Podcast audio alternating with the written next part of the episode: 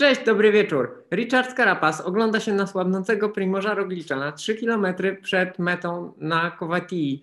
Ostatni górski etap tego sezonu. Carapaz atakuje, przyspiesza, widzi, że jego rywal słabnie i robi co może, ciśnie ile może, ale zabrakło, zabrakło 20 sekund, żeby wygrać Vueltę tym rzutem na taśmę. Słuchajcie, 17 etap Vuelta Espania 2020, ostatni wielki tour, ostatni wyścig i kończymy, powoli kończymy. Ja nazywam się Marek Tyniec i codziennie komentuję dla Was najważniejsze wydarzenia kolarskie. Yy, w górnym rogu widzicie yy, młodego Francuza Godi, który wygrał drugi etap, drugi świetny górski etap. Awansował po yy, ucieczce dnia i po ataku na ostatnim podjeździe, awansował do pierwszej dziesiątki. Świetna rzecz. Osłabł Grossschartner, został w dziesiątce, ale osłabł. E, trudny dzień miał Dan Martin. E, szarżował Movistar. Nikt nie wie po co, nikt nie wie dlaczego, mm, ale szarżował Movistar i Movistar miał duży wpływ na to, co się działo. E, cała drużyna Jumbowizma robiła co mogła, żeby dowieść Roglicza do mety na bezpiecznej pozycji, ale ostatecznie został odizolowany od swoich pomocników, a ten, który został z ucieczki w razie czego, no też nie dał rady i Roglicz ostatecznie radził sobie sam i korzystał z pomocy kolarzy wspomnianego Movistaru. Naprawdę działo się bardzo dużo, chociaż zaledwie 3 km przed metą. Ciekawe dlaczego, e, dlaczego to wszystko tak wyglądało. Tak czy inaczej, e, Primoz Roglic, jeżeli nie wydarzy się nic złego, e, jest zwycięstwem hiszpańskiej Vuelty. Drugi rok z rzędu obronił tytuł. To się nie zdarza często. Naprawdę czapki z głów. E, z kolei Carapaz e, po wygranym zeszłorocznym Giro, po odzyskiwaniu formy na tegorocznym Tour de France, pokazał, że jest pełnoprawnym, naprawdę pełnoprawnym pretendentem w wielkich turach. Świetny kolarz, znakomita postawa, rewelacyjny góral. Czasówkę też pojechał całkiem dobrze. Myślę, że jeszcze będziemy mieli pociechę z jego jazdy w kolejnych sezonach tym bardziej, że pokazał, że potrafi jeździć y, ofensywnie, agresywnie, dobrze czytać wyścig, patrzeć, co robią rywale, szukać swoich szans. Roglic wygrał zasłużenie, słuchajcie, cztery etapy. To nie chodzi o to, że bo oczywiście już zaczynamy dyskusję, co by było, gdyby nie było bonifikat. Słuchajcie, Roglic lepiej od yy, Karapaza pojechał na czas, to jest pierwsza rzecz. Yy, druga rzecz, wygrał cztery etapy, Karapaz nie wygrał żadnego. Oczywiście Carapaz w górach, jeżeli jakby sumować e, te czasy bonifikat, to okazuje się, że Carapaz w zasadzie był od Roglicza lepszy.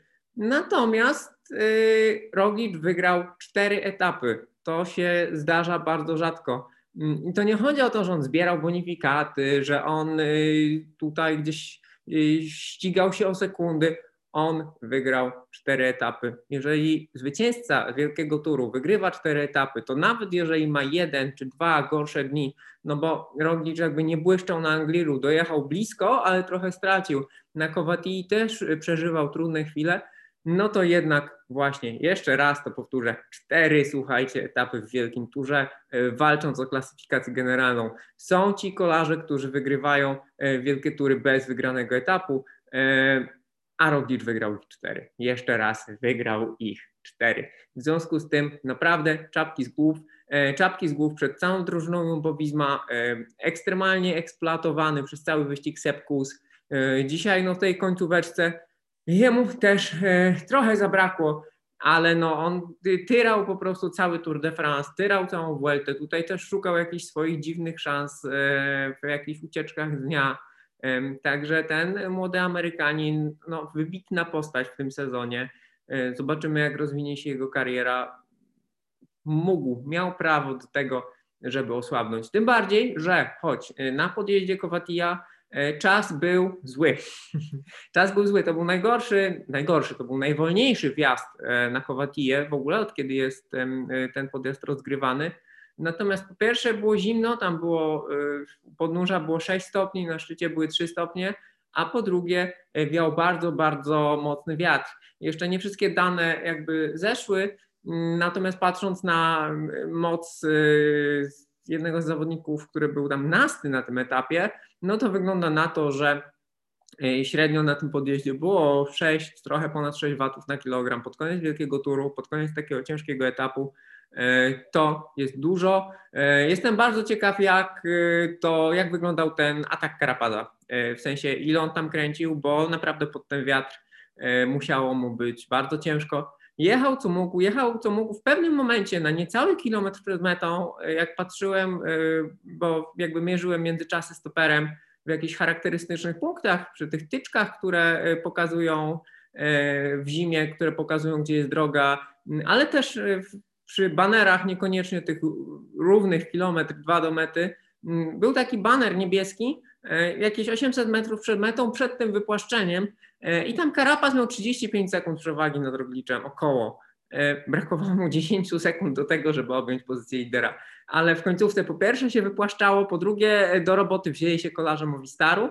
Hmm, oczywiście są już teorie spiskowe, że to Movistar jakby wziął się do pracy po to, żeby yy, jakby odegrać się za to, że Carapaz odszedł do Ineosu, czy za jakieś tam niesnaski, które były w zeszłym roku na Giro, gdzie Carapaz no, jakby miał być tylko pomocnikiem albo rezerwowym liderem, a pojechał na siebie. Nie wiem, ja myślę, że mimo wszystko y, kolarze Movistaru też widzieli niedyspozycję Dana Martina i była szansa na wyprowadzenie, była szansa na wyprowadzenie Enrika Massa na czwarte miejsce, y, co ostatecznie się nie powiodło, ale była taka szansa, tak oni też robili swoje. To pokazuje pewną rzecz, bo Movistar też pracował we wcześniejszej części etapu i to pokazuje y, jeszcze jedną rzecz. To znaczy, oczywiście my wszyscy patrzymy na to, co robią ci zawodnicy pierwszy, drugi albo pierwsza trójka, ci, którzy się ścigają o coś, tak? którzy się ścigają o te największe trofea, ale interesów na każdym wyścigu kolarskim, czy to na klasyku, czy na wyścigu etapowym, czy na wielkim turze, jest bardzo dużo. Tak jak mówiliśmy w tym roku o tym, że e, ten pościg Petera Sagana za kolejnymi e, próbami wygrania etapu powoduje dla wszystkich, że wyścig jest trudniejszy. Tak, czasami jakiś kolarz, który chce być jedno miejsce wyżej w pierwszej dziesiątce, albo wygrać jakąś klasyfikację, albo ma jakiś dług do spłacenia względem kogoś, to wszystko powoduje, że wyścig robi się inny, e, że tych zmiennych jest bardzo wiele i to wszystko sprawia, że kolarstwo jest e, niby bardzo prostym sportem, no bo jednak wygrywa jeden na jeden, wygrywa jakiś kolarz, ten, który jest najmocniejszy i ma najwięcej szczęścia, ale jednak tych różnych zmiennych jest bardzo wiele, które powodują, że to wszystko jest dużo bardziej złożone. Nie chcę mówić skomplikowane, no bo w końcu to jest jazda na rowerze, bardzo często po prostu jazda na rowerze pod górę, ale to wszystko jest dużo bardziej złożone. E, no i co, to tyle tak na szybko. Podsumowywać będę jeszcze jutro, bo jutro płaski etap w Madrycie. E, w związku z tym e, myślę, że aby nie przedłużać, tyle na dzisiaj wystarczy. Bardzo fajny etap, bardzo fajna ta rywalizacja w końcówce. Szkoda, że było tak bardzo pod wiatr i było tak zimno. No ale słuchajcie, jest już listopad, to są wysokie góry, oni jechali do stacji narciarskiej. Całe szczęście, że było bez śniegu i na to, jak mogło być paskudnie, to było całkiem w porządku. E, zatem naprawdę e, szacunek dla kolarzy, którzy dojechali do tego miejsca, którzy jeszcze wykrzesali resztki sił, żeby się pościgać, żeby spróbować. Fajnie, że Karapas spróbował, fajnie, że Karti też próbował, fajnie, że Mas spróbował. To było dobre. Także dziękuję, super się to oglądało. E, mam nadzieję, że jesteście usatysfakcjonowani. Dziękuję Wam bardzo i do zobaczenia i do usłyszenia jutro. Cześć.